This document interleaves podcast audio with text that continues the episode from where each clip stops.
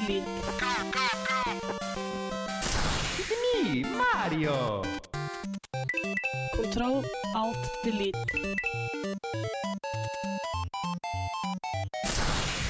Unable to comply.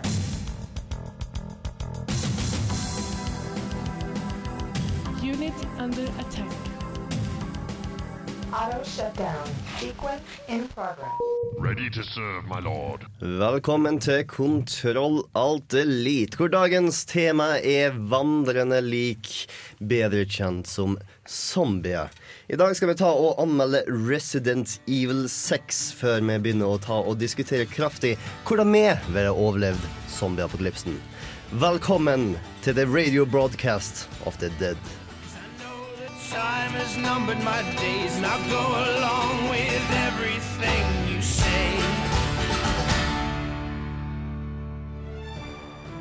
Commander Shepard, and this is my favorite podcast on the Citadel. Den podkasten er selvfølgelig Kontroll alt elite. Jeg heter Bård Resta, og i dag så har jeg en litt usikker allianse med tre andre overlevende her nå.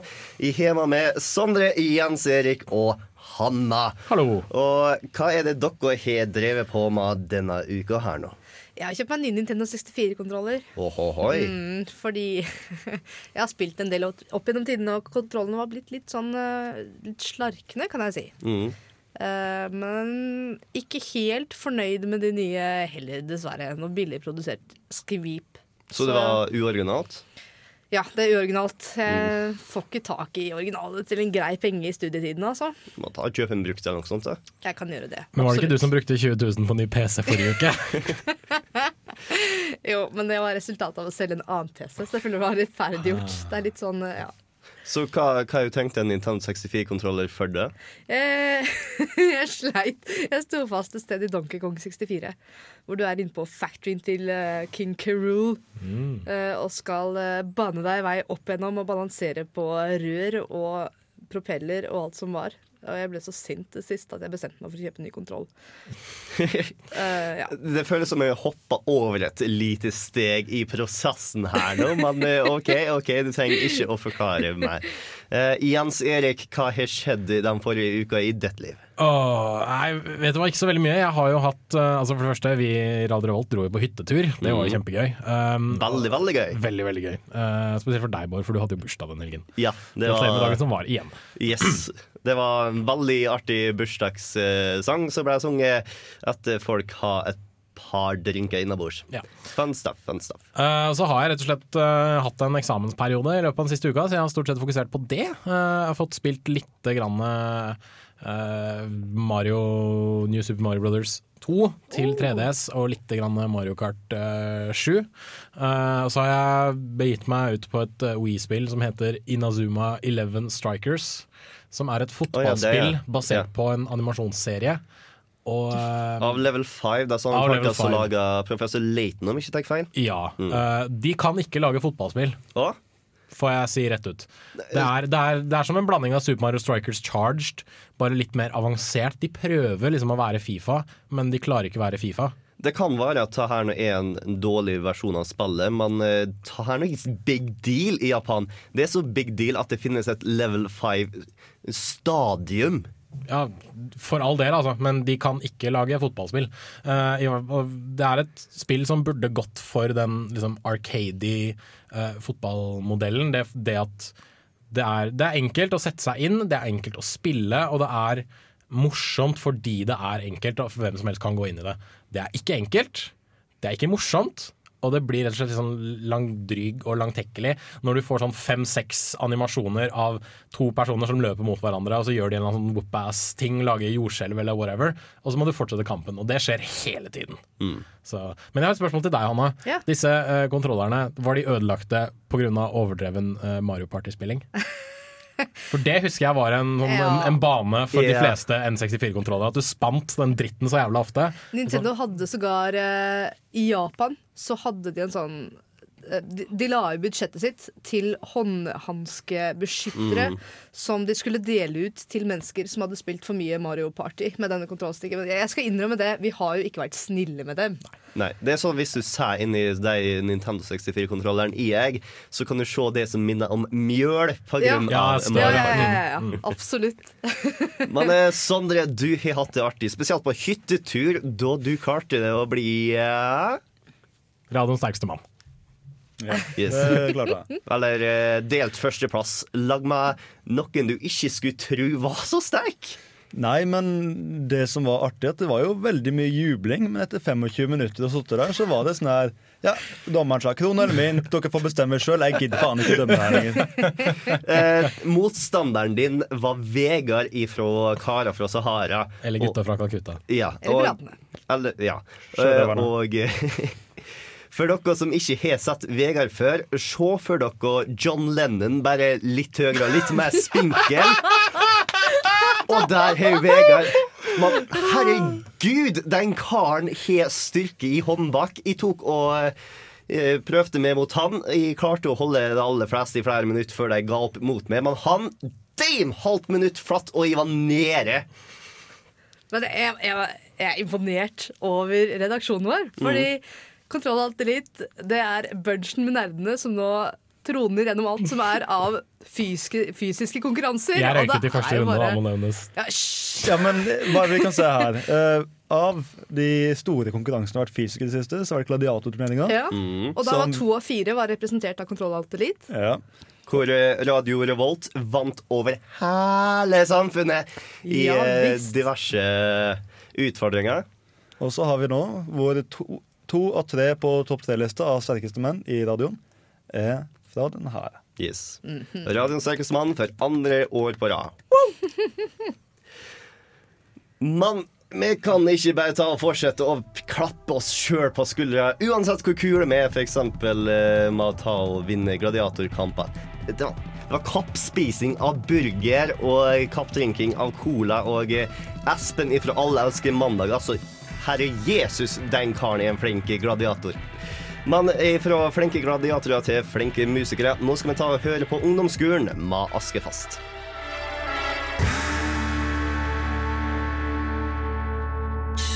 Denne uken i Spillnytt. Og du, Hanna, du fortalte meg, fordi at jeg er absolutt ikke inne i nå i hele tatt, at det skjedde big deals i WoW for litt siden. Ja, det stemmer det. Hva er det som rumler i Azeroth for tida? Det er eh, noen eh, hackerglade mennesker som har laget kaos i As- Athros Er ikke Azeroth kaos allerede? Det er litt kaos allerede. Det her handlet om eh, noen som lagde seg level 1-karakterer, løp inn i de store byene og lagde instant death mayhem.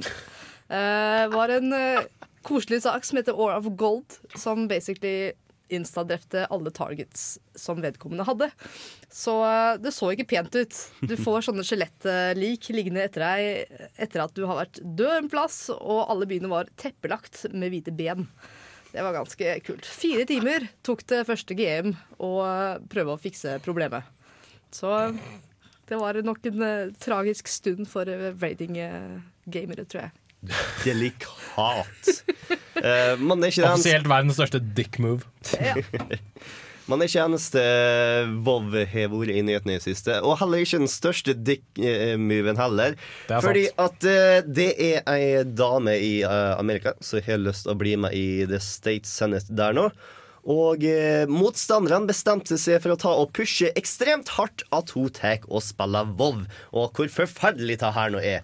Eh, det de sa, er vi trenger noen som lever i den virkelige verden, og ikke i en fantasiverden. Det her er ganske drøyt. Det her er sånn Breivik-greier Trakassering igjen, på høyt altså. nivå.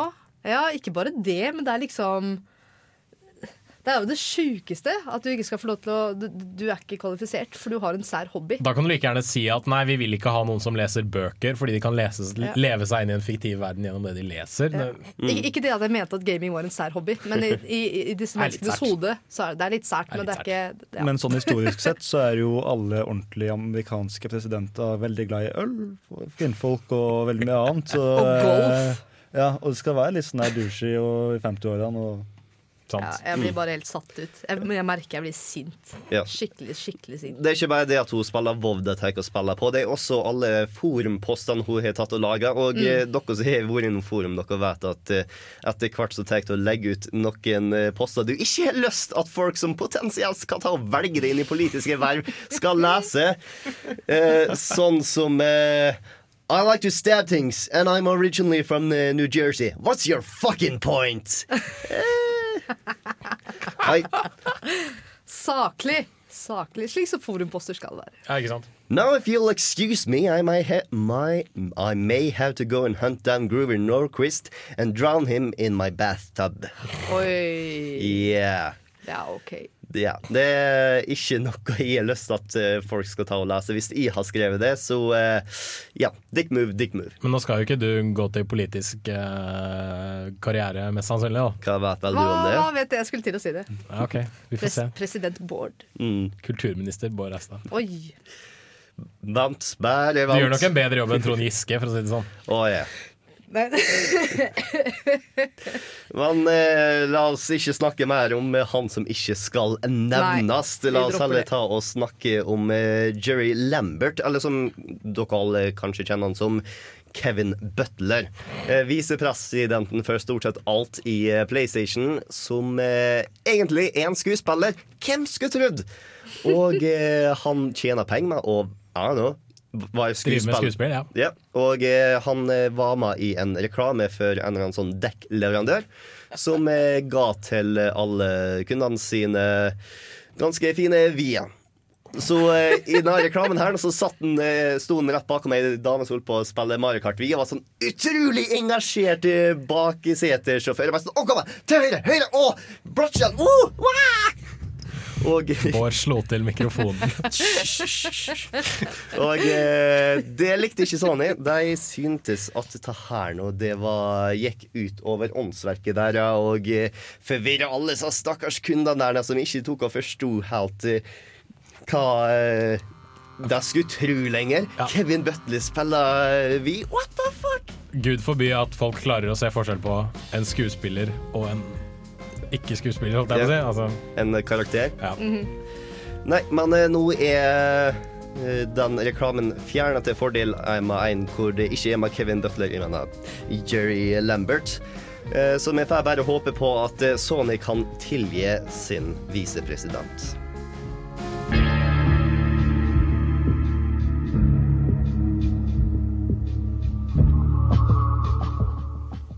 Og i andre nyheter så skal nå Bad Company inn på TV-skjermene dine. Al altså, da mener jeg ikke Jeg mener sånn du skal på TV-serie, masse TV-skjermene. Bad Company blir TV-serie. Yes, det er det ordet jeg prøvde å putte i munnen min, som ikke kom ut riktig. Yes. Tommel opp. Eh, Tommel opp. og eh, ja. To. Eh, den skal ta og havne på Fox. Det tar ikke fastsatt ennå. Nå, Ikke ta og sett her om Fox. Jo! Sjå. Ja, Simpsons, har vært, Simpsons, har vært, på TV i 25 år, men Firefly fikk dukken etter 12 episoder. Gutta, vi, dropper det her. Okay. Fordi... Nei, nei, nei, nei, nei, nei, nei. Sjå. Det er riktig at Fox har tatt og avlyst en hel med gode serier. Ja. Men Fox har også gitt muligheten til en hel med gode serier. Grunnen for at ingen andre tar å avlyser avlyse så mange gode serier som Fox, er fordi at ingen lager så mange gode serier som Fox. Ja, vi får se på det. Og det er masse mer seerne jeg er skuffa over enn Fox, for eh, Fox har tatt og gitt veldig eh, lange sesonger til enkelte serier som ikke fortjente det seermessig, men fortjente det kvalitetsmessig. Anyway, Bad Yes. Company. Yeah, Bad Company. uh, det skal bli en actionkomedie. Jeg forestiller meg noe litt sånn à la Chuck, eller noe sånt som Jeg syns de det. heller bare bør gjøre Band of Brothers, men bare galskap. det. Det kunne også fungert. Nei, men ikke sant? eh, Virkelig, altså. At alt rundt dem er seriøst, men så har du disse fire soldatene som bare er klin gærne. For det er jo det Bad Company er, egentlig. Eh, Spørs hvor masse du kan gjøre det i Amerika, egentlig. Hvis du he en ting er å ta, alt sammen useriøst, men når du tar og har folk som dør rundt det seriøst, og du kødder med det skikkelig, da er det en hel haug med eh, høyrevingfolk som ser litt stygt på det, vil jeg tro. Det finnes dataspill som gjør det her ganske mye bedre, og jeg er ganske sikker på at hvis de skal gå ute etter Bad Company, så går de til spillet og tar kjefte på spillmediet istedenfor kjefte på serien Bad Company. Det kan være, kan være. Men uh, Bad Company-spill har i hvert fall glidd under radaren så langt. Jeg, skal ikke ta og si hvordan jeg kommer til å utvikle det her nå, men eh, det kommer i hvert fall til å bli prøvd og utvikla til Fox. Det skal være sånn at uh, sa fire karene er private mercenaries og blir jakta på av sånn shadow parts of the government. Men går ikke det fullstendig mot hva spillet faktisk handler om? At Bad Company er The Bravo Company, og det blir kalt for The Bad Company fordi de er idioter yeah. slash klin gærne, whatever. og gjøre dem til en sånn leiesoldattropp, det tror jeg er bare sånn cheap cop-out for at de ikke skal assosiere dem med hæren. Nettopp. Eh, sånn som jeg forstått det, så er de hæren i starten, og så blir de ikke med lenger, fordi at da har du ikke hæren som eh, ikke gir deg tilgang til alle leketøyene sine eh, fordi at du stiller deg i et dårlig lys. Teit uansett. Yes. Jeg er, skeptisk fordi, ja, jeg er skeptisk fordi ingen har klart å lage bra TV av gode spill ennå. Nei, det er svært få folk som har prøvd å lage TV, av gode film, eh, gode eh, TV-spill. De har ikke lagd god film av Ja. spill ennå. Resident Evil. Så da spørs det om jeg ikke TV-serier er en medium som klarer å oversette spill bedre enn det film klarer. Jeg tror det, i og med at et spill kan vare opp til 60-100 timer, og en TV-serie har liksom det episodiske formatet nede. Assassin's Creed, for eksempel. Mm. Sikkert bra TV-serie, men jeg tror ikke det funker som en totimersfilm. Nei. Nei, det er sant. Det vil jeg være Det er ganske sant. enig i. Og den var nå en sånn eh, miniserie av Assassin's Creed, Mm. og Assassin's Creed 2 kom ut, og den var ikke så aller verst. Funka bra. Mm. Og eh, nå har en eh, nok en toppleder i en lang rekke med toppledere slutta i sitt spillstudio. Nå er det Cliff Dude Huge eh, Blesinski som har slutta i Epic. Eh, Ah. Karen dere sikkert kjenner fordi at han lager veldig masse Gears of War. Og tidligere så har doktorene i BioWare slutta, og en hel haug med andre folk slutta, så hva er det som foregår nå? Hvorfor er det ingen som husker Jazz Jackrabbit? Jazz what? Er det, hvorfor er det ingen som husker at Cliff Blesinski sto bak Jazz Jackrabbit? Det var Er det noen som vet hva Jazz er? Faen. Jo, jo, Ja, jeg vet det. jo en av de men- eh, koselige lytterne våre har jo han som uh, følgesvenn. Ja, nettopp. Mm. Alle sier Gears of War. Jeg husker Jazz Jackrabbit. Er Det er gammel. det jeg forbinder med, med Cliff Blesinski. Jeg vet jeg er gammel. Ja. Hold kjeft. OK. Men eh, jeg, jeg begynner å eh, lure litt på hva som skjer med alle disse toppsjefene som holder på å slutte, egentlig. Jeg tror de bare blir lei. Altså, Cliff B har vært med i spillindustrien i hvert fall over 15 år, tror jeg. Og du ser på disse Bioware-doktorene, de var jo bare slitne, rett og slett. Um, nå husker jeg ikke hvem det var, om det var Dr. Ray eller Dr. Greg, som har bestemt seg for å gi seg fullstendig. Men han måtte jo flytte fra Canada, hvor han bor, ned til Austin, Texas, for å bli gjøre ferdig Mass Effect 3. Og så var det alt det stresset med all den der feedbacken de fikk fra fans, etc. etc. uh, gamere er stort sett en litt sånn krevende gjeng å skulle appellere til. Så jeg tror faktisk det å slage liksom storspill som skal prøve å liksom kjøre hjem alt, alle de kule faktorene alle folk vil ha, jeg tror det er jævlig slitsomt. Jeg tror Sånn er det for alle yrker. Det er Det folk det som holder ut hele livet med ett yrke. Mm. Og som du sier, det er krevende og tungt. Og noen bare ønsker Sigrun, jeg måtte gjorde akkurat det samme. Han jobber riktignok fortsatt for Nintendo, men sier at nå skal jeg bare sitte og peke på de riktige tingene i fremtidige spill. Mm. Så skal noen andre få gjøre jobben. Og han Ja. Tid for litt sånn barnebarn og familie, sikkert. Det er sånn amerikansk greie. Det jeg lurer på, er ikke om eh, du får lage det spillet du vil enklere når du har sånn eh, ti personer om det enn det enn 300 personer. Mm. For eh, da er det masse mindre meninger og følelser du er nødt til å ta og trykke på når du sier jeg har lyst til å ta og hoppe to meter i stedet for én meter. Mm. Men det er nok nyheter for i dag. Nå skal vi ta og høre på anmeldelsen av Resident Evil 6, som Sondre har diska opp. Rett av at vi har hørt Captain Crimson med True Color. Hello. This is ukas anmeldelse.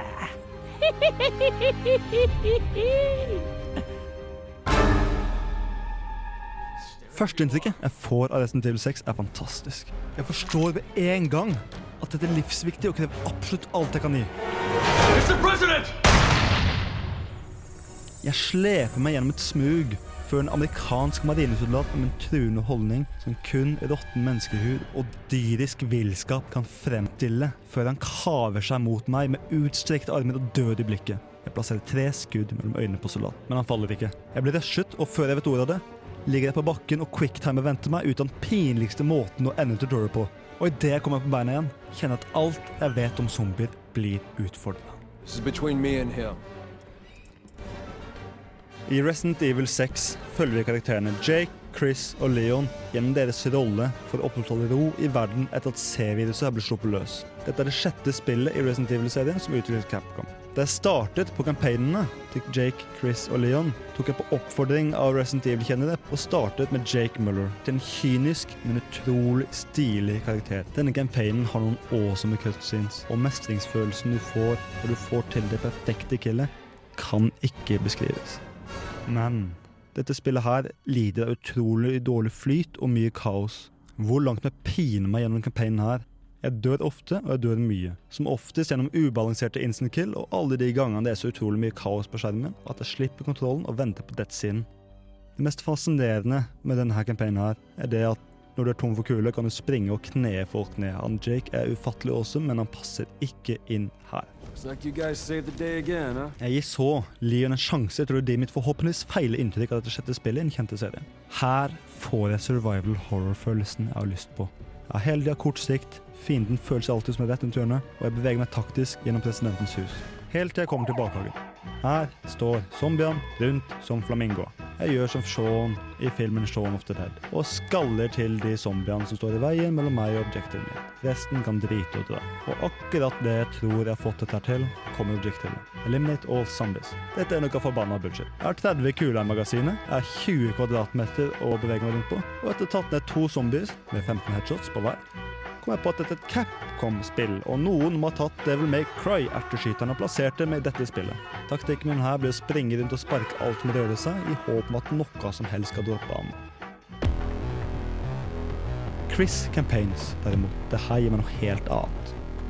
Her kjenner jeg soldatfølelsen min, og når jeg blir slått til side og ligger på rygg og tømmer magasinet mitt, kjenner at det her er en kamp for å overleve. Jeg et våpen som gjør skade. Jeg tar en zombie for zombie idet jeg kjemper meg mot objektivet mitt. Men så kommer cutscene der jeg skyter en zombie i armen. Armen muterer til et svært jævla skjold. Fysikerne meg sier stopp. Du kan ikke skape masse ut av ingenting. Det eneste positive med spillet her er at du kan samle ti kompiser, sette på spillet og flire av det som en ufattelig dårlig film.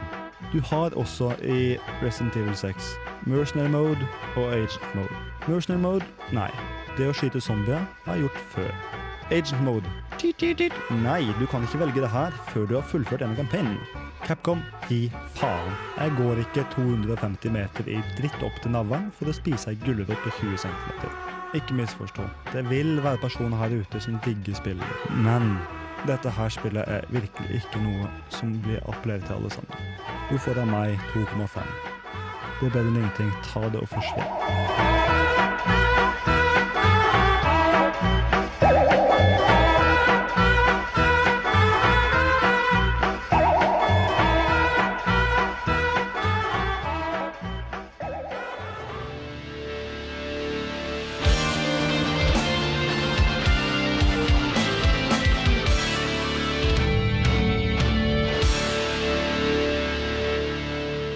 Der hørte du US Girls My Jack. Før du, eh, og før den tid så hørte du Sondres anmeldelse av eh, Resident Evil 6, som ikke var så veldig positiv. Jeg tror det er kanskje en av de laveste karakterene vi har hatt i Kontroll Alt Elite på veldig lenge. 2,5 er det virkelig så dårlig? Når jeg heller da gjør lekser istedenfor å skru på PlayStation, så jeg lover jeg at det er så virkelig dårlig. Jeg hadde ikke lyst til å spille det. Så sa du at det var mye mer actionfylt å lage anmeldelsen enn å spille spillet. Da Ja, jeg at, jeg hadde litt tekniske problemer, og da kjente jeg hjertet hoppa litt. Faen meg, jeg på de sangene her en gang til. Og da, eh, da var det jævla skummelt. Så det var noen små feil og sånn, og så klarte vi å fikse det her. Og da kjente jeg faktisk at hjertet dunka mer enn det har gjort i løpet av hele det jævla spillet der. Det er trist, fordi jeg er glad i det første. Er det, er det et Resident Evil-spill? For blodfan så får du fortsatt en historie som er veldig fin, og det cutscenes er cutscenes. De klarte ikke å fucke opp det.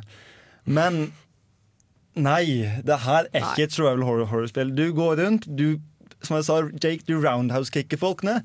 Som Leon, som for meg skal være den karakteren som er liksom litt sånn Men gjorde du ikke det i Resident Evil 4 også? For jeg har spilt Resident Evil 4 på Wii, og da husker jeg at hvis du skjøt noen i beina, så droppa de ned på kne, og så kunne du gå bort og så tok du roundhouse-kicka dem. Ja, ja. Jeg var så frista av å skrive på Time. Du har faktisk den muligheten her. Og jeg, fant, jeg er ganske sikker på at de der som lager spillet, var fant at Vet du hva, ingen av oss klarer det. Skal du skrive på òg? Ja! Hey! Nei, det er ikke et Travel Horror-spill når du har In- Infinite Ammo. Det er ikke et brukbart spill når du ikke har Infinite Ammo. Med mindre du har en Jake, og med mindre ting ikke bugger seg helt opp, slik at du står og sparker i en vegg. Du spilte også spillet med Mikkel, som er tidvis i redaksjonen her. Og meg. Og ja, Og Bård. Alle sammen spilte Det var bare jeg som ikke var med. Ja, ja, Men Mikkel likte veldig godt Resident Evil 5. eh, hvilket jeg ikke kan skrive under på. Men selv Mikkel var faktisk skuffa over det spillet her. Og da, da, da tenker jeg, Jeg da likte liksom Resident Evil 5. Det var litt sånn dum action, men det var underholdende action. Ja. Det her nå var idiotisk action. En dårlig, dårlig, dårlig, dårlig, dårlig, dårlig parodi av Uncharted-serien, følte jeg. Det skal også nevnes at det er jo en, sånn, er en kapittelinndeling i Mm. spillet. Og da vi satt og spilte, så kom vi fram til at gjennomsnittslengden på et chapter, det var jo halvannen fuckings time. Ja. Så det er jo ikke noe du kan heller sette deg ned og bare sånn Ja, jeg skal spille en halvtime. Altså, nei, nei, du må Dette er en fuckings investering, altså. Ja, det var var langdrøye kapittel òg. Men lo dere, eller var det bare øh? Vi lo en del. Ja, ja, ja. Det var sånn, OK, sånn det er, nå har du fullt liv. Nei, instant death! Sånn at ingenting er godt så for ingenting. men- de små tinga, liksom. Jake! Flashback. Snake! Eller så eh, da, vi kjørte jo Vi kjørte snøscooter i en sekvens. Og jeg tror Mikkel og Sondre om hverandre klarte å dø sånn fem ganger på nøyaktig det samme punktet. Fordi, de skal, fordi det der jævla snøskredet de skulle stikke av fra, bare kom og tok dem hele tiden. Det er, du ser ikke en skit. Du, det er ikke noe logisk det. De styrer jævla dårlig. Og så er det slik at her er et hull. Det er ikke noe logisk grunn for du skal falle opp i det hullet her, men kommer du én meter nærmere kanten, så blir du teleportert ned. Er det noen du i hele tatt vil ta og anbefale ta spillet her nå til? Du skal lide mye som jeg gjorde. Spill det spillet her. Du ga meg oppgaven. Du skal gjøre for... ah! Yes, vel, eh, da håper jeg på at hvem enn vi gir eh, spillet til i konkurransen, ikke lider like masse som du. Men først så skal vi høre Dinosaur Junior med Pierce of the Morning.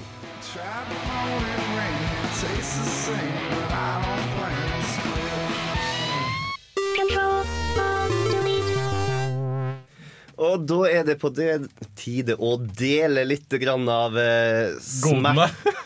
ja. Smerten Sondre følte. La oss virkelig håpe på at hvem enn det er så fælt her nå, ikke blir like misfornøyd som en Sondre. Jeg sier det igjen. Eh, hvis det er noen som er fan av det spillet her og har lyst på en god historie, så er det en god historie bak der, men gameplay var ikke noe for meg. Ja, På en eh, litt finere måte. eller i hvert fall ta og få Eventuelt hvis du er masochist. Eller ha en hel med kompis og en del øl og bare tar og ha det artig med det hele. Det er sant. Eh, Men vi har fått egentlig overraskende mange spørs eh, svar på å ta spørsmålet vårt. Spørsmålet vårt var hvem er det du ville ha med deg, eller virkelig ikke ha med deg, av spillfigurer i zombieapokalypsen. Og eh, vi har fått svar fra det jeg tror er et eh, søsterpar. Begge to heter i hvert fall Knaus til etternavn, og har ikke lyst til å ha med seg Jake Miller. Tara har ikke lyst til å ha med seg Jake Miller fordi at eh, zombier ville drepe henne, mens hun ser han inn i de drømmende øynene hans. Mens eh, hun Anita vil eh, egentlig ha med seg i stedet eh, Sherry Birkin, som er hot.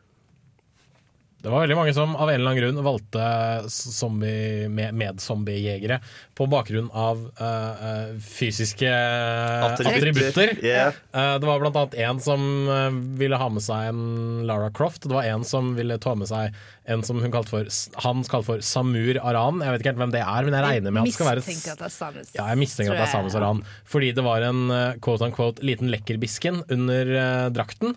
Eh, så var det jo en som skulle ha med seg Sheva Alomar fra Resident Evil 5. eh, nettopp fordi hun var hot, quote unquote.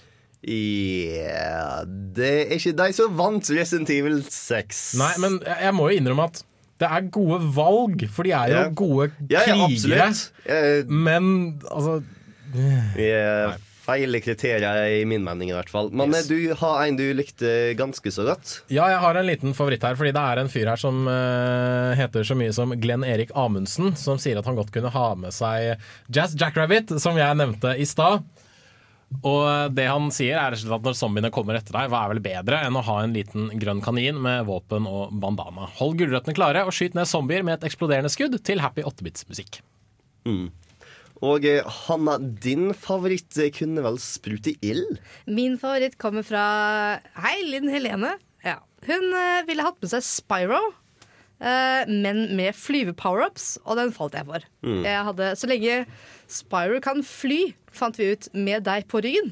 Ja, det, Så- det er ganske viktig. Ja. Han er modig nok til å ikke gjemme seg under en sten og kunne reist rundt og brent opp summene rundt i hele verden. Da kommer dog mitt tekniske spørsmål. Hvor lenge kan Spyro fly med et menneske på, på, på ryggen, og er han sterk nok til å bære et menneske på ryggen? Eventuelt stor nok. Jeg, jeg vil si ja. Du får jo aldri noe forhold i størrelse til menneske, så det kan godt være at Spyro er en gigantisk Ja, for alt jeg vet. Så, men altså, de der dragene i Spyro er jo fucking huge, de også. Mm. Så Vel, du trenger ikke å ha han til å bære det overalt. Det viktigste er når du er på en tøff spot, så må han fly inn og få det vekk fra zombiene. Mm. Hvis han klarer det, good deal. Og eh, ilden, absolutt ta bruk den offensivt, ikke defensivt. Du kan ikke ta forsvaret på basen din med å tenne på en hel haug med levende fakler som klistrer seg opp imot veggen og sånn Ja, deler flammer. Det tar litt tid, ja, Mm. før det liksom har noen effekt. Men uh, selvfølgelig masse, masse ild overalt. Jeg liker Så- virkelig den her der også, men det er fordi det er et av de store dyrene som blir å følge deg. Eller Spyro blir jo å følge deg. Det er en av de få ikke-menneskelige vi har. Så det blir jo awesome. Noe jeg merker, er at det er veldig mange som Altså, ja da, Konkurransen var jo at du skulle få velge fritt, men det er jo egentlig ingen som, bortsett fra han som valgte Sheva Alomar, som velger folk som faktisk kommer fra spill der du slåss mot zombier. Jo, jo, men vi sa vær så snill ikke velg folk fra der det Ja, er kommer sant. zombier, fordi at det er kjedelige valg. Det er sånn. Men jeg skulle gjerne hatt en eh, vet ikke, Simon Belmont med pisk eller noe sånt og løpende rundt. Det var dritgøy. For det er kjempenyttig mot eh, zombier. Selvfølgelig. Magisk pisk, for faen! Vampire, vampire killer, hallo! Kaste Men- dolker og bøker. ja, Faen meg. Du har en favoritt, du, Sondre? Ja, jeg falt litt for den her. eh, Se, han Stian Haugen Hagen. Faen. Stian Hagen. Se for deg følgende scenario. Du er en av de få heldige overlevende fra det første utbruddet, og du har funnet et bra gjemmested for zombiene. Du greier deg fint de første ukene på rasjoner du har spart opp, og det blir mindre og mindre for hver dag du går. Den eneste måten du kan overleve, er å komme deg ut i ruinene og lete etter mat. På vei mot nærmeste boligfelt møter du på noen zombier, men greier lett å unngå dem. Plutselig sitter et litt lys i et vindu. I håp om å møte et annet menneske beveger du deg sakte og stille inn i huset. Mot rommet det var av lyset. Når du endelig kom frem, legger du merke til at det var ikke noe menneske her. Det er et lite flygende lys med vinger. Vesenet virker ikke farlig, så du velger å putte i jakkelommen og ta det med deg videre. Når du endelig kommer deg ut av huset, hører du plutselig et høyt skrik fra lommen. Hei, listen, Link! Dette hører samtlige zombier i nærmeste omkrets, Så alle sammen begynner å spurte mot deg og sikrer din død. Sikrer din sikre død. Ja.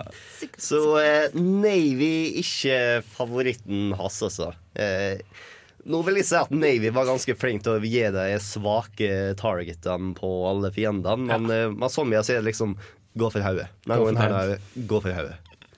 Eh, favoritten min, skal vi se er Olav Sulen, som sier det lureste er nok eh, å ha med noen som kan håndtere store variasjoner av våpen og kjøretøy, men som også er intelligent og strategisk smart. Men sjøl med alle disse begrensende faktorene er det veldig mange karakterer som passer den beskrivelsen. Så i stedet så valgte jeg å se på den jeg aller helst ikke ville ha med meg i zombieapokalypsen. Og etter noen minutter så sto svaret klart. Den desidert verste å ende opp med må være Glados fra Portal. Idet hun er festa i en potet. Og ender opp How are you? Because I'm a potato. Å enda opp med hun ville vært rett og slett å medføre til at du tilbringer hele apokalypsen med en som er smart nok til å hjelpe deg, men som heller bruker all sin kraft på å fornærme deg med konstant sarkasme. I tillegg ville hun bruke tiden på å teste ut de mest idiotiske ting, eh, bare for å ta og tilfredsstille sin egen eh, nysgjerrighet. Ja, ja. Jeg- Likte svaret. Det var kreativt. Jeg ville ikke hatt med meg GLaDOS Punktum. Mm. Det hjelper ikke heller med en fastmontert robot som appåtil helst har lyst til å drepe deg, hunden også. Ja, eh, det at hun har lyst til å drepe det, det, det gjør det vanskelig å samarbeide. Ja. Men eh, hvem er det som ta, burde ta og vinne dette her nå? Det, hvis du skulle ta stemme på en annen enn din egen favoritt, hvem ville du stemme på da? Glados. Glados.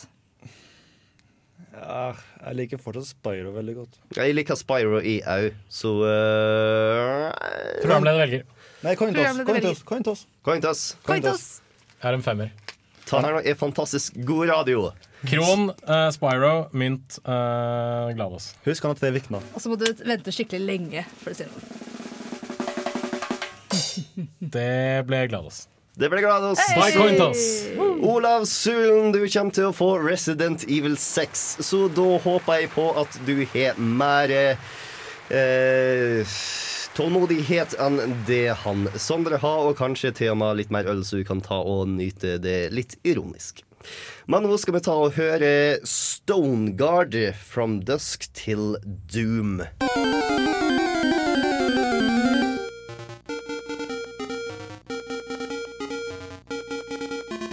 I Zelda-spillet Links Awakening kan du returnere en fiskekrok til en fisker for å få et kjede som finner den. Du kan deretter levere dette smykket til en havfrue i bytte mot et skjell fra halen hennes. I de japanske og noen europeiske utgaver av spillet derimot får Link en rosa bh istedenfor kjede. BH-en ble ansett som for drøyt for det amerikanske og europeiske sensurapparatet. Så om du har lurt på hvorfor havfruen er litt i overkant sjenert og nervøs når Link er i nærheten, så er det kanskje ikke så rart allikevel.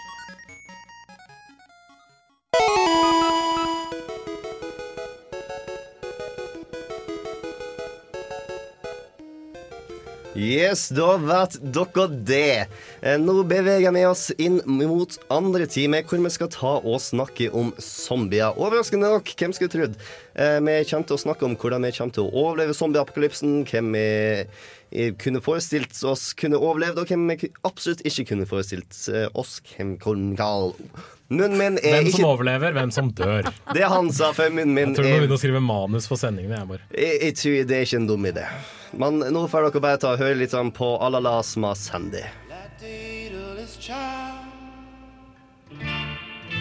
You wasted your mind, girl.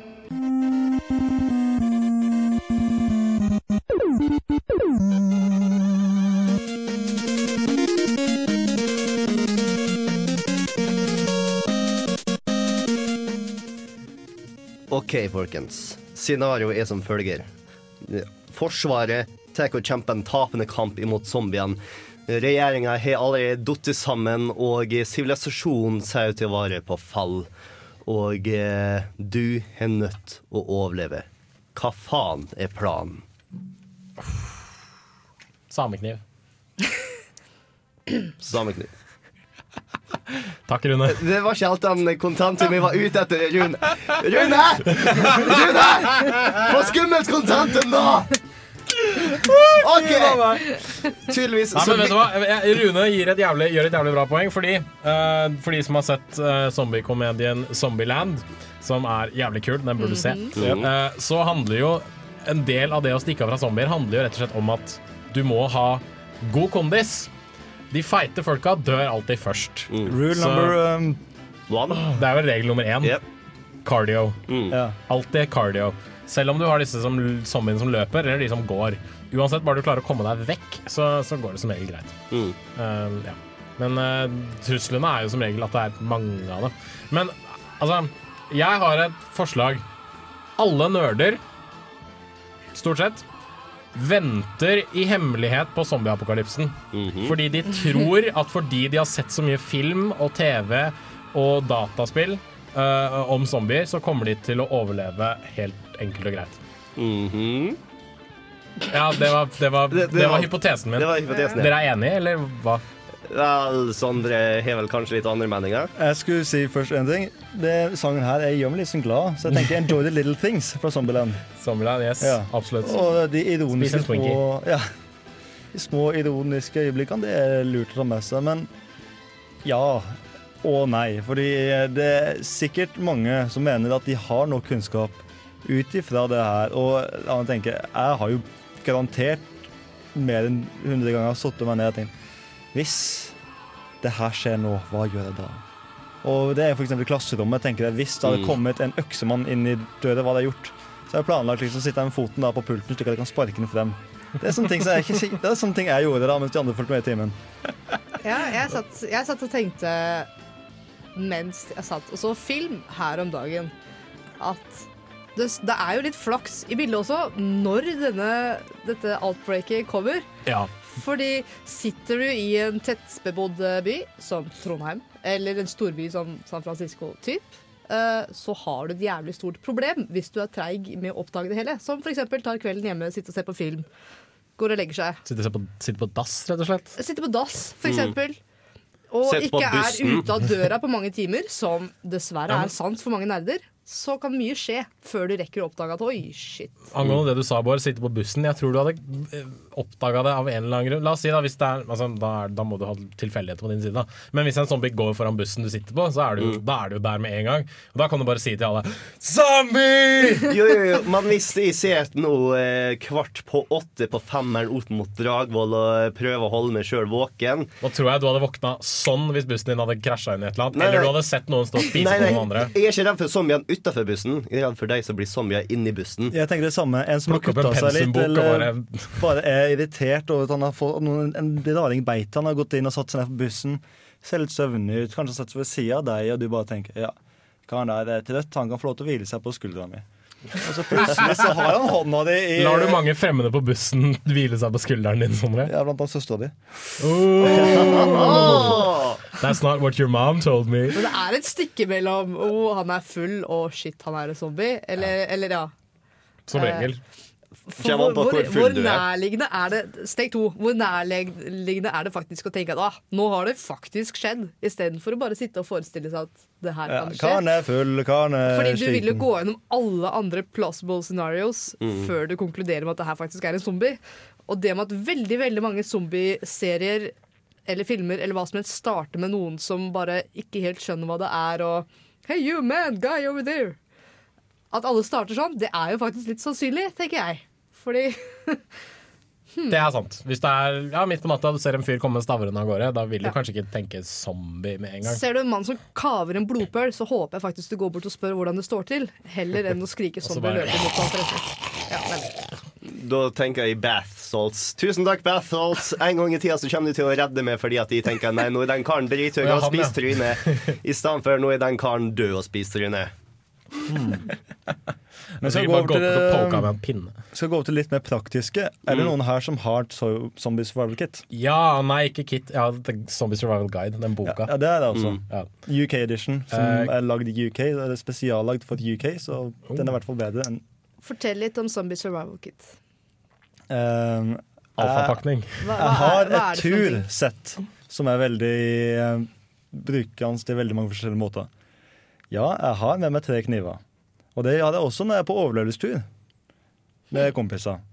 Ja, jeg har med meg ganske mye annet utstyr som er litt sånn overkill, og når jeg kler meg opp i det, så føler jeg meg litt sånn ja.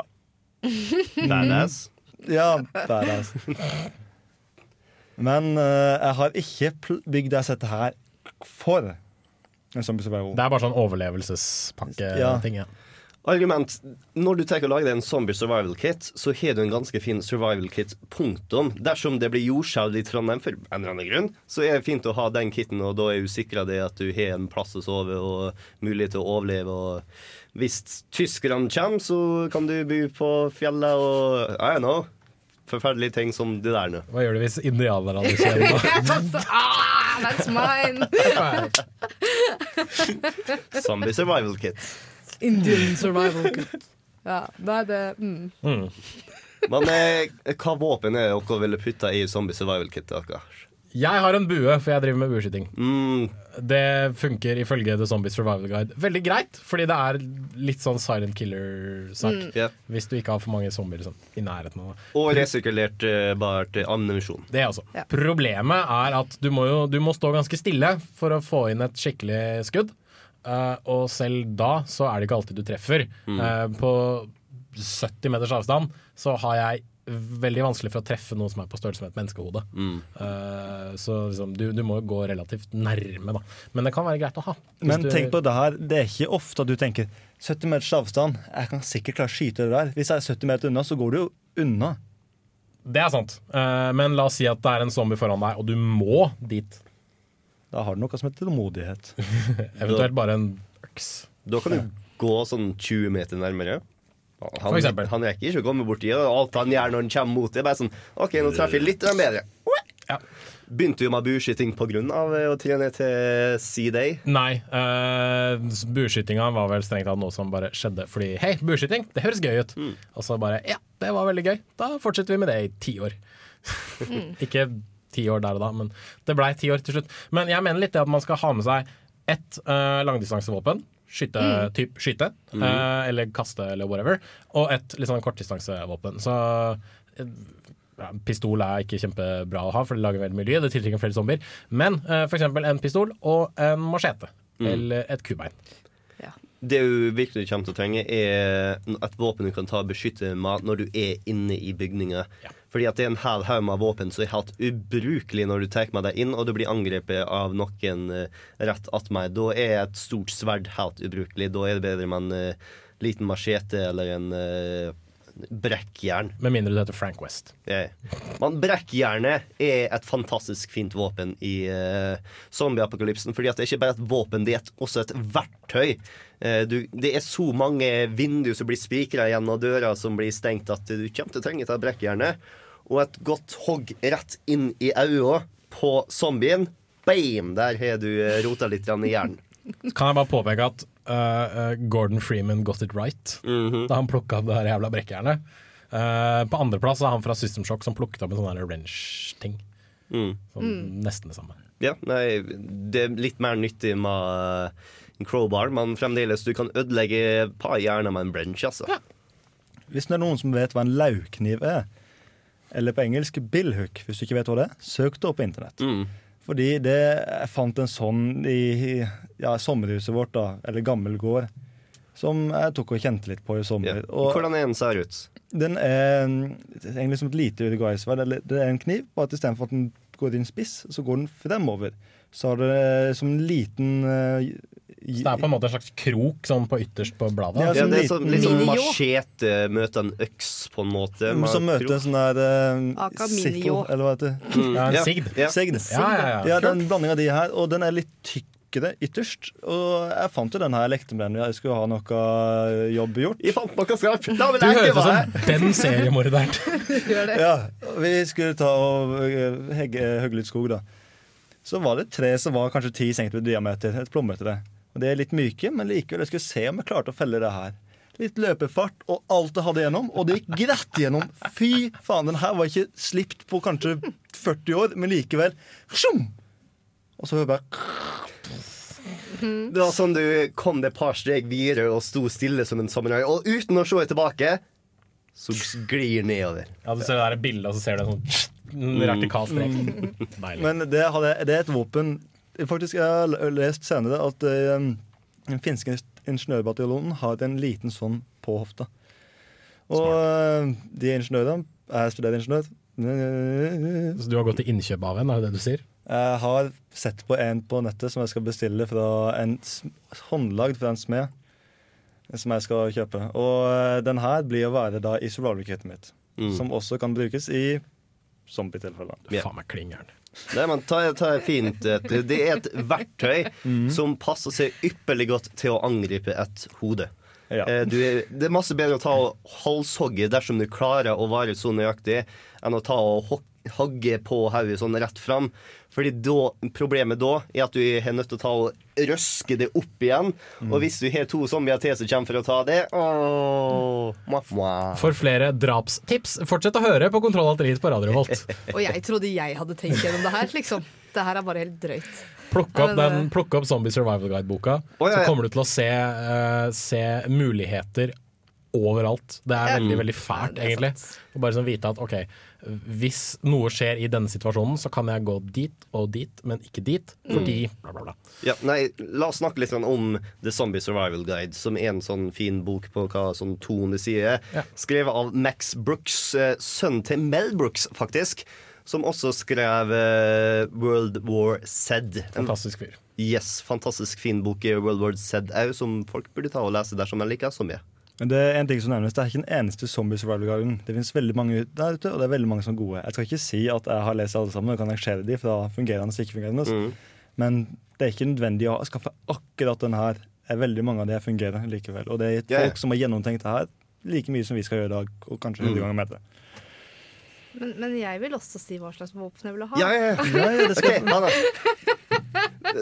Hva slags våpen er det du ville tatt med deg? Mitt favorittvåpen det for zombier er dumme. Mm. Uh, og det liker uten noen spoilers nå for hva som måtte komme i The Walking Dead, men i tegneserien så bruker de blant annet tenker de at ok, vi må kvitte oss med masse zombier på en gang på utsiden av et gjerde, og ammunisjonen funker dårlig, og altså spisse gjenstander må man på utsiden av gjerdet for å få til å fungere, og det her er liksom altfor mye. Det lar seg ikke gjøre. Ok, vi må finne en effektiv måte å ta livet av dem på. Og det de gjør er at ok, da kan vi bruke en spiker og en hammer, og så kan vi la dem komme opp til gjerdet, og så kan vi slå dem i hodet med en spiker. Oh. Men det store problemet Vi går jo tom for spiker, Ja. fordi vi kan jo ikke så røske i spiker, og det har du ikke kraft til i armene. Så de bruker en liten treplate og slår spikeren igjennom. Setter treplata mot nettingen og slår til med hammeren, og så kan du bare enkelt og greit trekke den ut igjen etterpå. Og det her det er jo bare helt knallfint. Det er et fint gjerde, lås deg inne, og så knerter du zombier på utsiden. Hva gjør du hvis, du begynner, hvis de begynner å klatre oppå Mm. hverandre og sånt? da? Ja, men da må du, bare, du må jo bare henge med. Jeg får ta et veldig fint defensivt våpen, fordi at det Ja. er relativt stille, og det er nesten utømmelig for ammunisjon. Man, du kan ikke bruke det offensivt når du skal ta ut og finne tak i mer mat. Hva slags våpen ville du brukt da? Jeg også går nok naturlig for bue eller en armbrøst. Eh, ikke bare fordi det er stille, men også fordi lang nok tid i, i zombieapokalypsen vil føre til mangel på ammunisjon. Mm. Og pilene kan jo enkelt og greit gå og hente ut igjen. Det er faktisk eh, greit å revinne, eller ja. Skyt en pil, gå til zombien som er død, og plukk opp pilen igjen. Mm. Uh, så ja, det er nok der jeg finner meg òg. Jeg er ikke så veldig på sånn nærkamp. Nei, eh, jeg skulle si at ja, det har vært jævla kjekt med den pinnen der. Jeg skulle gjerne sett deg bruke den som et offensivt våpen. Hvis det hadde vært så jævla ninja at du bare liksom dukket under, kom igjen inn på sida Ja, ja. Du snakka om en sånn veldig kul eh, asiatisk pinne som har vært kjempetøff mot zombier her om dagen. Kali-stikk. Ja, ja, Det ja. er et, eh, noe som du bruker i Filippinene. Politiet bruker de her fordi eh, det er en jævla hard pinne, og du kan knekke ledd med den, og hodeskaller. Sjøl har jeg knust Oi. en kokosnøtt, og den er litt hardere. En sånn brun kokosnøtt eller sånn svær sånn der grønn kokosnøtt? Brun. Ok. Jeg er ikke er ganske sikker på. mer enn det hodet ditt tåler. Jeg ser. Ja, ja, Og den her kan du ta og nesten hugge ned trær med. Den pinnen her. Den er knallhard, og eh, du kan stå Har du tålmodighet, du kan sikkert få ned et tre. The everything stick. Du kan felle trær, slå zombier, pusse tenner. Det er What stort doesn't it do? Du kan faktisk pusse tennene med den også. Fordi treet den utvinnes av, det tar fliser seg, så du kan bruke det til å rense tennene. Så deilig. Nice. Det, det var ingen zombie som tok deg, Sondre. Du kommer til å dø av tannkjøttbetennelse. Hva, hva var den het igjen? Kali-stick. Og det eh, du kan bruke det da to av de, du kan bruke en av de, og du kan da bære kjempemange av de uten at det veier noe som helst. Stilig. Den putta jeg i, i Zombie Survival Kit min. Men fra Kali til Khalid. eh, Vår gamle Oh. ah, ja, ja, ja. Yes! Segway, motherfucker. Eh, vår gamle Hater deg. Hater deg så jævlig. Khalid eh, Assam. hva- eh, Asam. Asam. Awesome. Awesome. Oh, Eh, er en gammel traver her i Kontroll Alt Elite. Eh, Han jobber nå i Medietilsynet og har det hyggelig der nå, men eh, han er ikke redd for å ta og tipse oss om spillmusikk. Så når jeg sa at jeg har lyst på musikk som eh, var relatert til Zambia, så dukka han opp med et par retro-låter som han syntes vi burde ta og spille av.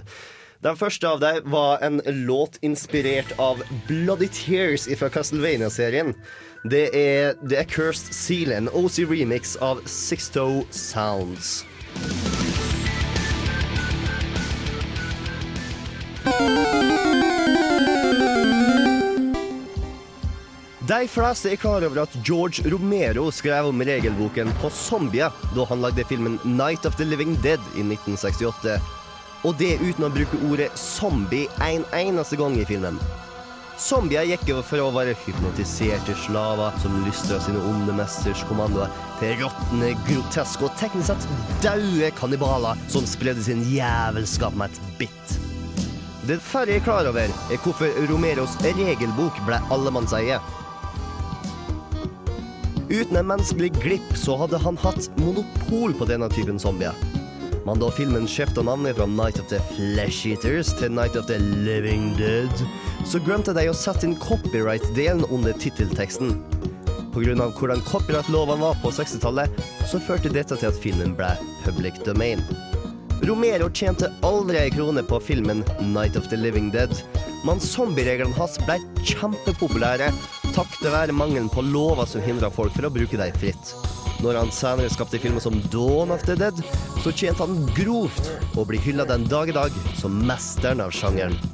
Bare tenk, en mindre Grumps kontorrotte, og vi ville ikke satt i nærheten av en tiendedel av de zombiesakene vi ser i dag.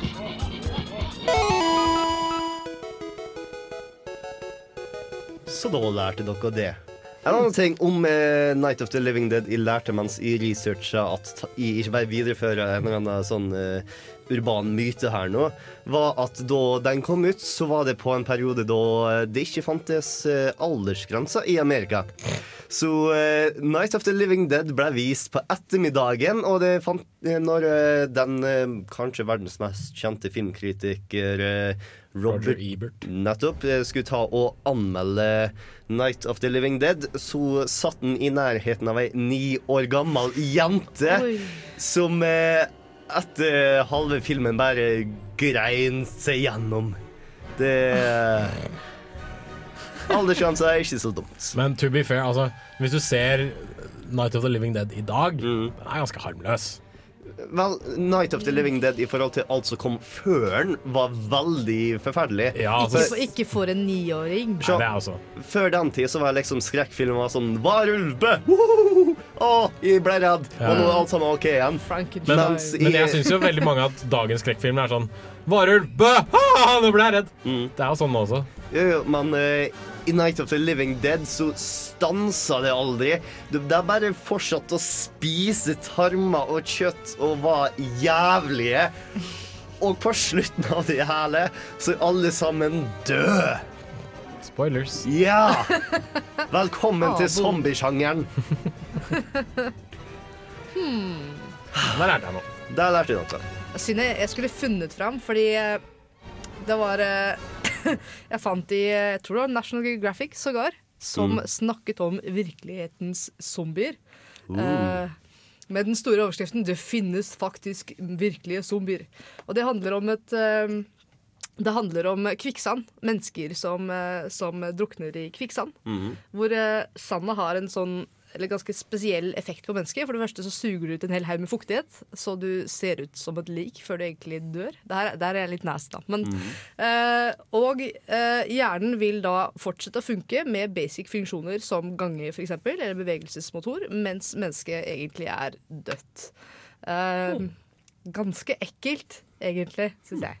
De holder ikke på så lenge, da, som zombier eh, vanligvis gjør, men eh, fortsatt litt fun fact. Det finnes også maur i eh, Yes. regnskogen som blir til zombier. Dette hørte jeg på Ullustrert vitenskap, som du kan høre på Radio Volt før Kontroll til litt. Mm eh, fra fire til fem. Ja, takk.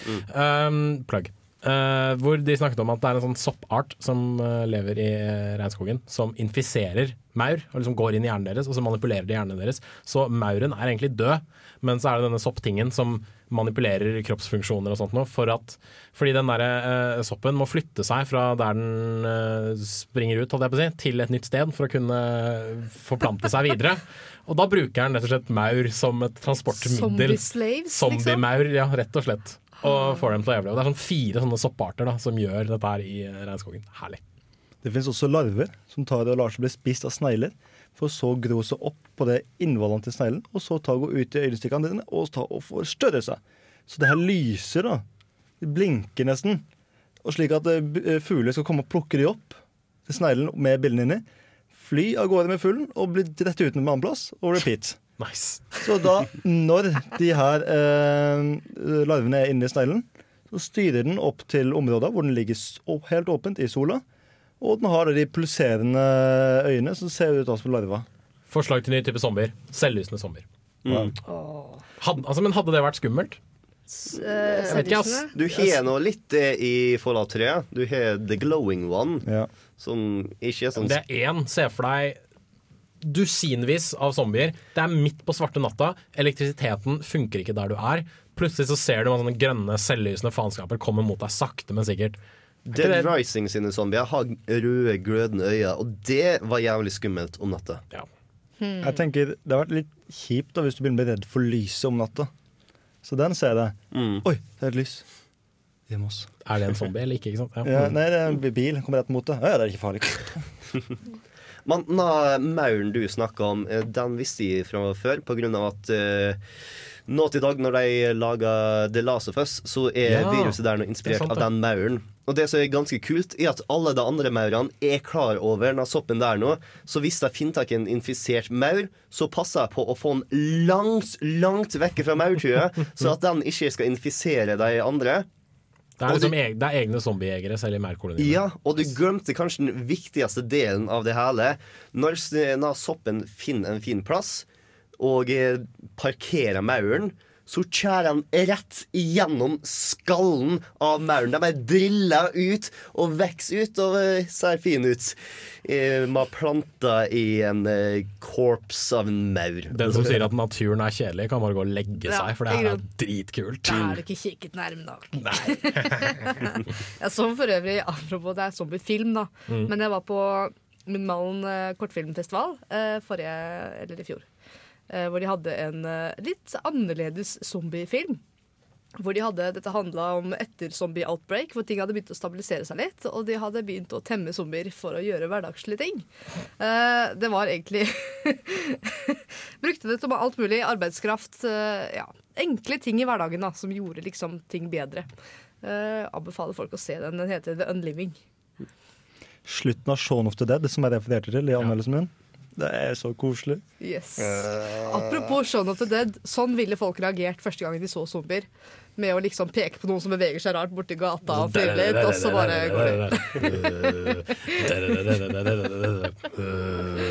Sjekk han der, da. Hvor rart han beveger seg.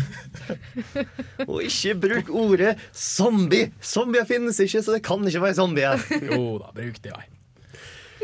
Men eh, nå har jeg lyst til å snakke om eh, The Summer Survival Guide. Eh, Ja. For eh, jeg, jeg har kanskje ikke studert den, men eh, det jeg har gjort, er lest gjennom den og funnet ut at den er veldig fin dasslitteratur. Ja. Fordi at den har veldig korte kapittel og avsnitt og alt sånt her nå. Så eh, på en fin liten dassrunde så kan du ta og lære hvor forferdelig dumt det er å ha en motorsag som våpen. Det finnes, ikke, det finnes nesten ikke noe våpen i verden som er dummere enn en motorsag når du skal slåss imot zombier. Nummer én, den bråker noe jævlig. Nummer to, den bruker bensin. Med en gang bensin er borte, så er all form for forsvar borte. Med mindre du har en elektrisk motorsag, men da må du en strømledning. Ja. Enda mer idiotisk, da. Nummer tre, det, bruk, Solcellepanel. Det bruker evig lang tid på å komme deg gjennom en zombie med en motorsag. Så eh, hvis du først har satt den fast i en zombie, så kommer det to zombier til og spiser det i nakken din. Det tar lang tid. Det tar lang nok tid. Og eh, nummer fire Det er like enkelt å kutte av dine egne bein som zombier sine bein når du blir angrepet av mange. Og ser jeg for meg en sånn stakkar som bare står der med motorsangen sin bare «Ah!» altså, Det ser ut som spin, spin attack, tenker jeg. Og så er en Sånn som i Lollipop Chainsaw. Aha. Snurrer rundt. mm. Og så er en drittung, og du kan ikke ta og Det er frakte den så veldig godt heller. Det er veldig sant. Så eh, til alle dere som eh, har gått før eh, motorsaga, you're welcome. Dårlig valg. Apropos dolitteratur. Mm. Hvorfor jenter og nerder bruker så lang tid på toalettet. Følg med i Kontroll alt litt. Zombie Survival Guide. Mm. Ja, når jeg gikk tom for Zombie Survival Guide, så var det noe masse Pondus og Nemi og en som venta på meg òg. Det er sant. Men uh, zombiespill, kan vi lære noe av dem, da? Uh, Bortsett fra sikt på huet, den jævla jakk. Vel, jeg har lært veldig masse om meg sjøl. Eh, fra The Walking Dead på hvordan jeg ville tatt og overlevd zombieapokalypsen. Som jeg nevnte i forrige episode, så har jeg vært den personen som har beholdt de prinsippene jeg har før zombieapokalypsen, og kjært full fart for å bare beholde dem, og som hele tida blir straffa for å beholde disse prinsippene, men ikke stanser med det allikevel. Jeg tror uansett hva du gjør, så kommer du til å bli straffet for valgene du tar i The Walking Dead. Yeah. Sånn er det bare. Det er liksom Telltale liker å bare si ja, det var dette du valgte, ja, da dør denne personen. Du valgte det andre, ja, da dør den andre personen. Du valgte gul, altså? OK, da tar vi beinet ditt. Ha-ha! Åh, Man kan vi likte grønn. Nå har hun sagt ha det bra til arma di.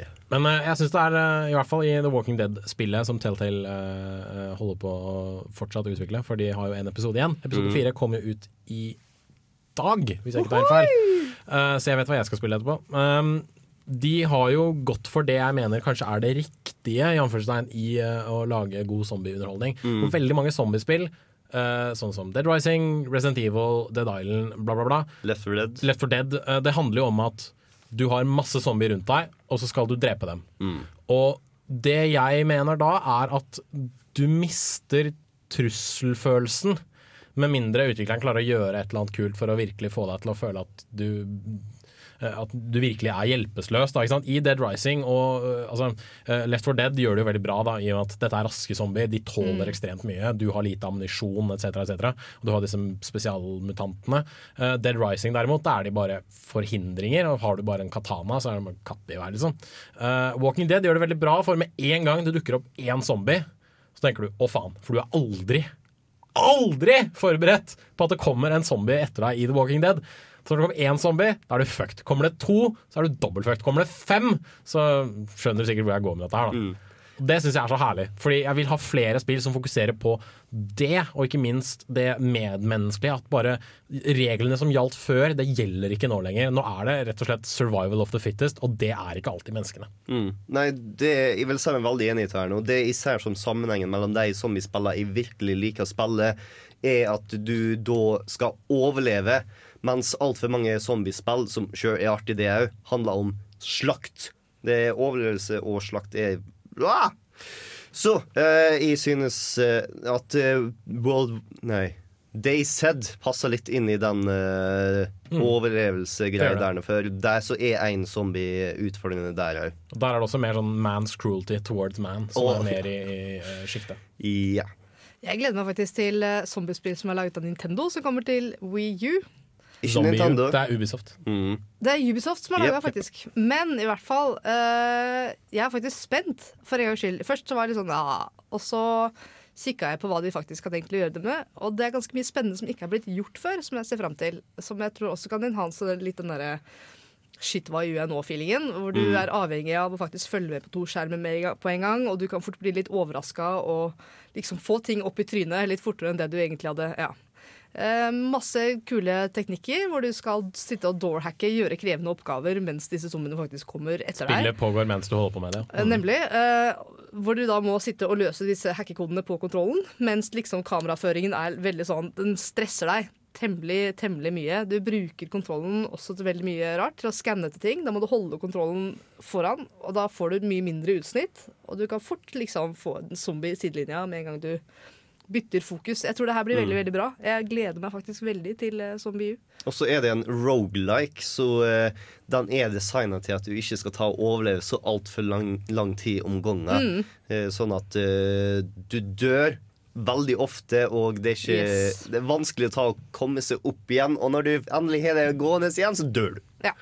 Og eh, Så må du selvfølgelig bruke disse riste deg løs fra zombien med kontrollen-ideene og sånn også. Eh, nei, åh, det blir godbit.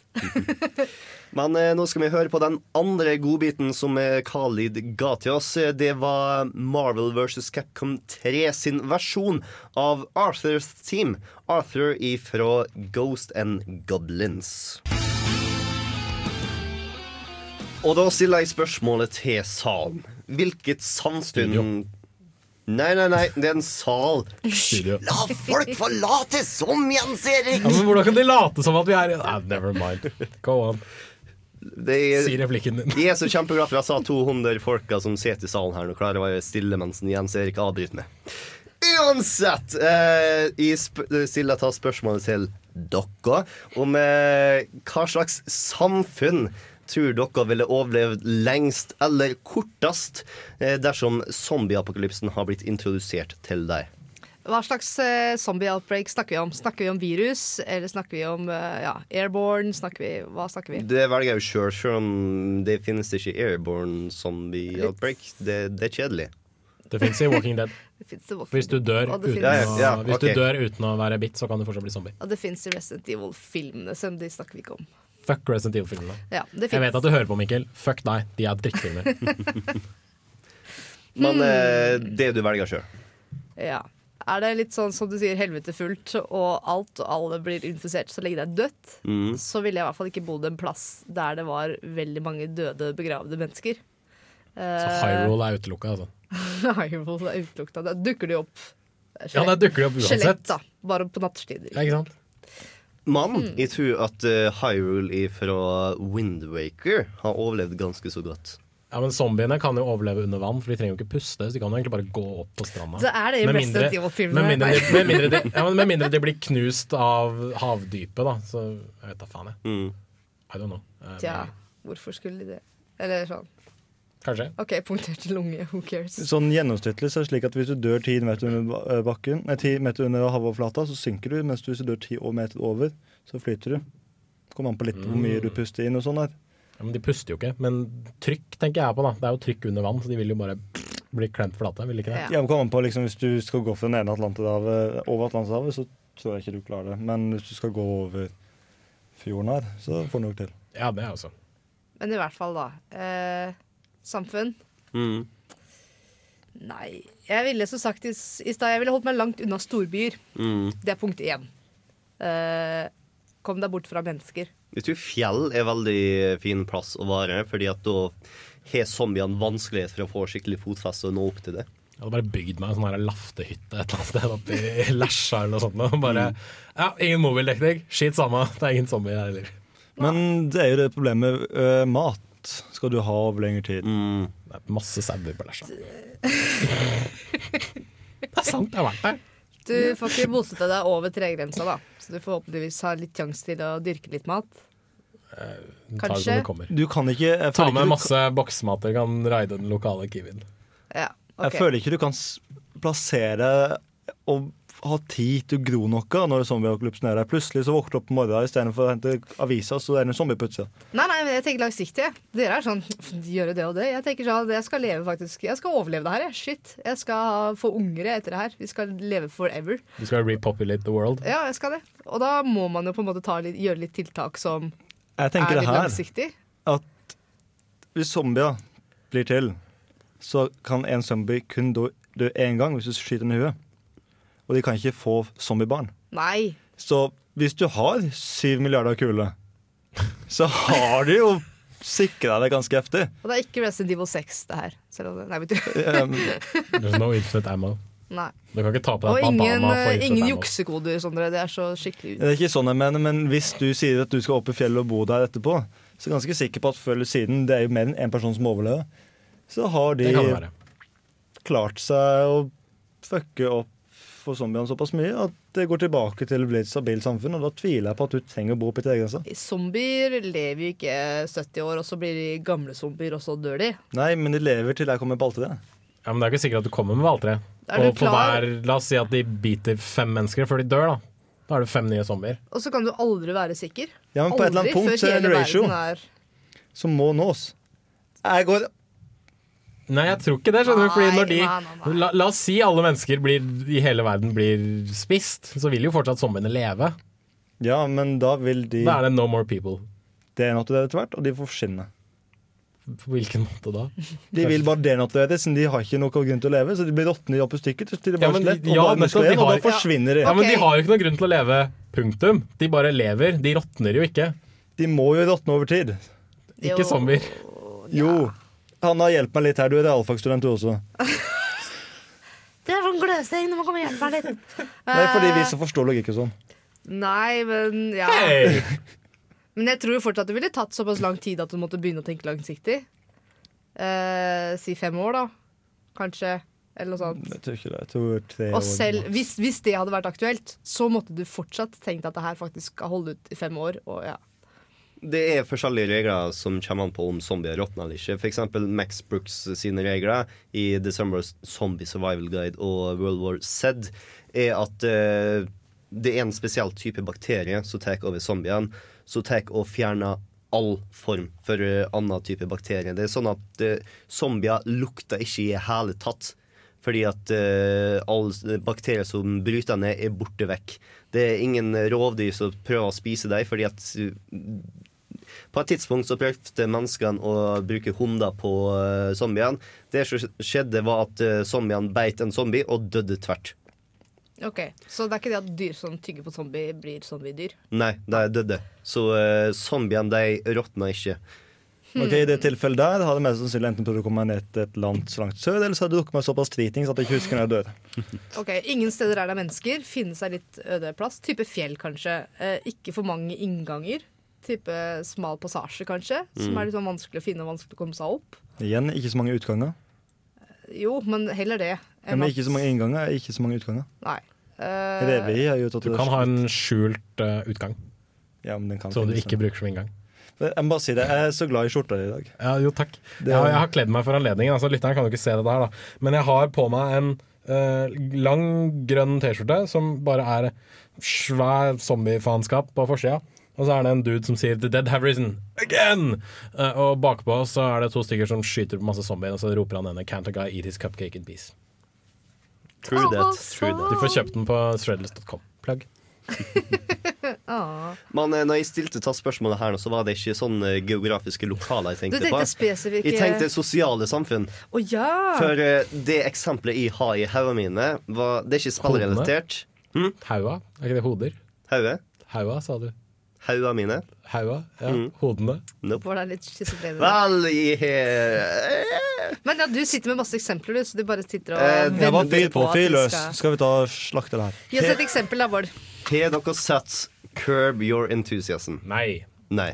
OK. eh, det er skaperen av Seinfeld. Dere har sett Seinfeld? Ja. Ja. Larry vet- David. Dere, ja, det er Larry David eh, det handler om Larry David, og eh, folk oppfører seg ganske masse som de gjør i Seinfeld, bare masse verre. Fordi at greia med Seinfeld er at alle sammen tar seg nært av absolutt alt. Du tar og eh, tygger litt feil, og det blir sånn Åh! Den personen der nå liker jeg ikke. Du tar og komplimenterer på en skjorte i stedet for buksa. Og er sånn, hva, hva faen har han imot buksa mi, liksom? En sånn verden som det der nå har datt pladask med en gang zombiene ble introdusert. Du har liksom du spiser litt vel masse kjøtt på pizzaen din, du. Jeg tror du er en zombie! Bang! Ja. Og eh, hvis du klarer å få en liten allianse med sånn fem personer som klarer å overleve mot zombiene, så er det sånn du, du snorker for masse. Faen ta det. altså Ta gidd ikke lenger. Jeg stikk bort dit og overlever der alene. Ja, alle, alle som er sånn fiktive problemstillinger, Mm. Vil vel det skje. Sånn Mm. er interessert i et uh, par sko enn å ja. Så sex og singelliv-universet, ja, det det, det. vil Jeg akkurat tenkt på sex og singelliv. Går jo rett vest. Tenkte alle American Pie. Det hadde vært jævlig artig å se, men de hadde gått til helvete. Det vært jævlig artig å se hvordan det gikk til helvete. Det er en sånn teen sex-komedie med zombier. Men da begynner man å snakke likesinnede. Da blir det først litt sånn Da er spørsmålet De Er, spiser hverandre. er zombieisme Like en uh, seksuelt transitabel eh, sykdom? Hva, hva sa du? Oh. Ditt Syke, syke, syke menneske!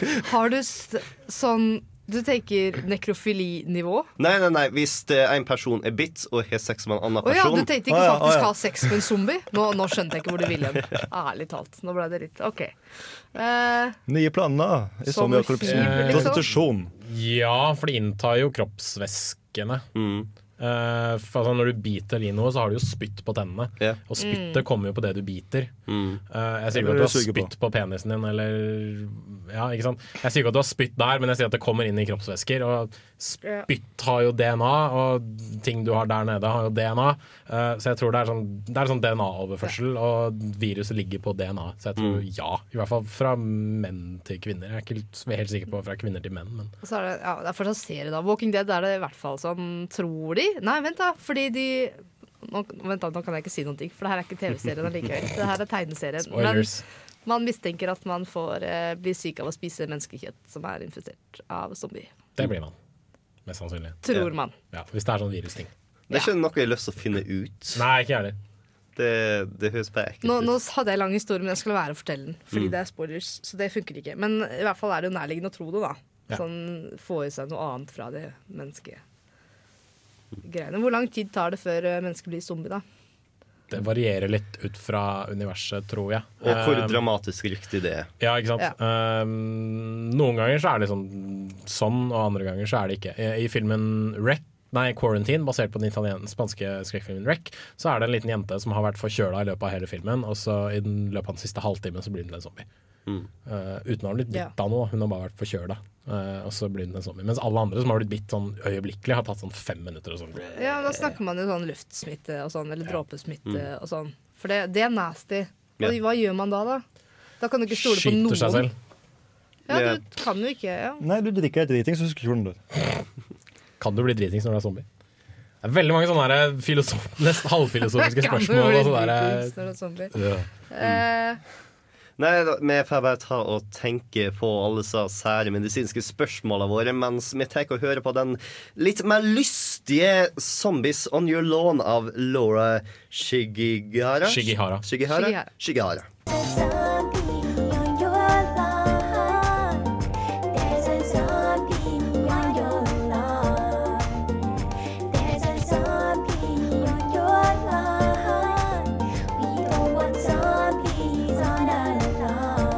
Da får dere bare undre hvem som la til denne sangen her nå. Jeg kan avsløre at det ikke var Khalid. du ba meg finne zombiemusikk. ja, men det er kul låt, da! Ja. Jeg liker det. Og da tenkte jeg ja, zombiemusikk, det har du jo. Jeg liker det faktum at PopCap har bare sagt ja, zombier, det er litt sånn standard. Hvorfor ikke bare sette dem opp mot planter? Det er litt kult. Ja. Jeg syns det er kult. No, det, det er definitivt ikke et spill som fokuserer mest på overlevelse. Over. Jo, det gjør jo det. det gjør jo Du skal jo beskytte huset mot zombiene som kommer mot deg, med For plantene. at de ikke skal Jo, spise hjernen din. Ja. Jo, jo, men det er kun drap av zombier alene du overlever på. Ikke Ja, ja. noe mer av det taktiske eller moralske. Altså, det er jo taktisk at du legger ut ting og sånt, nå, Jo, jo, jo. men et spill der, du, der planter skal skyte erter på zombier, har liksom ikke så mye tid til å velte seg selv i moral. Bortsett fra, bortsett fra da de hadde med en Michael Jackson-zombie. da sånn Disco, to, Disco-zombie. ja, Det var en Michael Jackson-zombie der også, sånn to uker før Michael Jackson døde. Mm. Oi, nei! Au. Burn. jeg er sånn, Å, shit, nå må vi fjerne den. Vel, med tanke på thriller så passer den egentlig bra, men Ja, når han det- dør det er litt smakløst når Det er litt smakløst, ja. Jeg er enig i det. I hvert fall når det er teknisk sett en zombie. Ja. Ja. Eh, men jeg tenkte, det gikk akkurat opp for meg at det må da være egentlig ganske enkelt for det å overleve i lengden i Plants vs. Zombies dersom du får mat ifra plantene. Det kan være. Ja. Blir litt kjedelig eh, kost, men hei. Du kan vokse allting inne og så ha solpanel, fordi du har solplanter. Solstykker. Ja. Eventuelt kan du bare gjøre sånn som han eh, Robert Neville i eh, filmen og boka uh, I Am Legend, hvor han bare har masse sånne Han har et lite drivhus liksom, inni huset sitt. Ja, Og sparer på baconet. Sparer på baconet, ikke minst. Og bare har, han, har, han, har, han har hamstra, liksom. Har sånn 15 aggregat som står ved kjøkkenet hans og bare durrer. Hvis du ikke leser boka 'How to Survive the End of the World', får du veldig informasjon om hvor, mye, hvor lenge mat kan lagres. Og de forskjellige typene. Det anbefaler jeg på det sterkeste hvis du har lyst til å lage et eget zombie survival kit etter en sending her. Mat, Mattilsynet tar ingen, ingen ansvar for hva du måtte nei, finne på med denne boka. En ting om eh, zombieapokalypsen som jeg lærte her om dagen, faktisk, takket være en hel masse smårollinger, er hvor eh, utrolig jævlig det har vært å eh, barrikadere seg inn i et eller annet hus og overleve med zombier rundt det. For jeg har en barnehage rett utafor vinduene mine, og det å høre på så småunger bare i to timer. Å, herregud, om jeg har nødt til å ta og overleve med zombier sånn I evigheter. Jeg har skutt meg sjøl. Å, herregud! Det er, fordi, det er så du skal komme deg opp om morgenen og gjøre noe ut av dagen, og ikke bare ligge der som en jævla slakt i senga Som en jævla zombie. Ja. Ja. Men uh, vi hadde et spørsmål i stad i, uh, i musikken. Ja. Så kom vi til slutten her, og så lurer på Du ble spurt hvordan hadde du tatt livet av deg sjøl hvis du ble Mm. bitt eller hvis du ble infisert? Skutt. Beste og verste måten å dø på. Sånn, ja. Mm. Verste er vel å drukne seg sjøl i en liten sølvpytt. Hvorfor det? Fordi det er litt kjipt å Og dø du- i en sølvpytt. Og du våkner som zombie likevel. Det er litt kjipt, og så våkner du som zombie. Hvis Ja, du altså- skyter deg selv i hodet, så vil du i det minste For forhindre at du kommer tilbake. Ja, fordi du dør jo uansett etter hvert. Det er ikke bare det at når du dør naturlig en dag, så blir du en zombie. Det er liksom Du, du blir zombie etter hvert. Og da vil du jo dø på den minst smertefulle måten. Og veldig mange av sånne zombiefilmer og sånn har jo Folk lider jo. De sliter jo. Du blir dratt fra hverandre. Ja. Uh, så du vil jo på en måte ta livet av deg sjøl før du blir zombie. Mm. Også den tanken på det å være zombie etter døden er litt sånn Man vil jo ikke. Um, Verstemåten kommer jeg fram til må jo være å henge seg. Fordi Da henger du deg etterpå. Mm. Ja, det er greit du er Og hvis- ordentlig, ordentlig død, men det er litt sånn du, du er dømt til all evighet å Mm. sitte og sprelle til alt levende kjøtt du vil ha. Jeg vil faktisk si at den beste måten kanskje er at når du er bitt av zombie, så kan egentlig alle sammen gå med på at selvmordsbombing That ain't so bad. Nei, det er sant. Når du Mm. først skal dø, så gjøre, ta et skippertak for uh, menneskeligheten. Mm. Pakk masse spiker på kroppen din og bare Yes. Men vi tar og nærmer oss slutten eh, med han Sondre fant tak i en ganske tragisk sang her nå. som- Låt. Her syng deg! Det er en låt! The Drunken Wailer. Ikke Eh, må, du må ikke forvill, forvilles med The Drunken Sailor, Mm. hvor du synger det og må barbere magen til folk. Ja, men hør teksten. Ja. Det er viktig. Eh, og denne låta bla, bla, bla, kommer ifra eh, Dishonored, som jeg kommer til å anmelde neste uke. Fram til da, ha det bra. Hei, hei.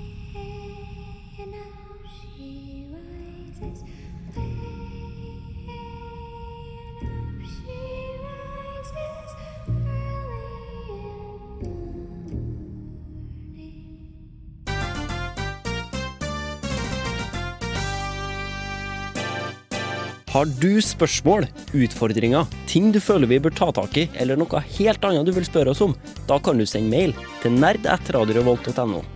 Ønsker du heller å tweete oss, kan du finne oss på Twitter, hvor vi heter rr-spill. Du finner oss også så klart på Facebook. Radio Revolt presenterer Kontroll Alt Elite.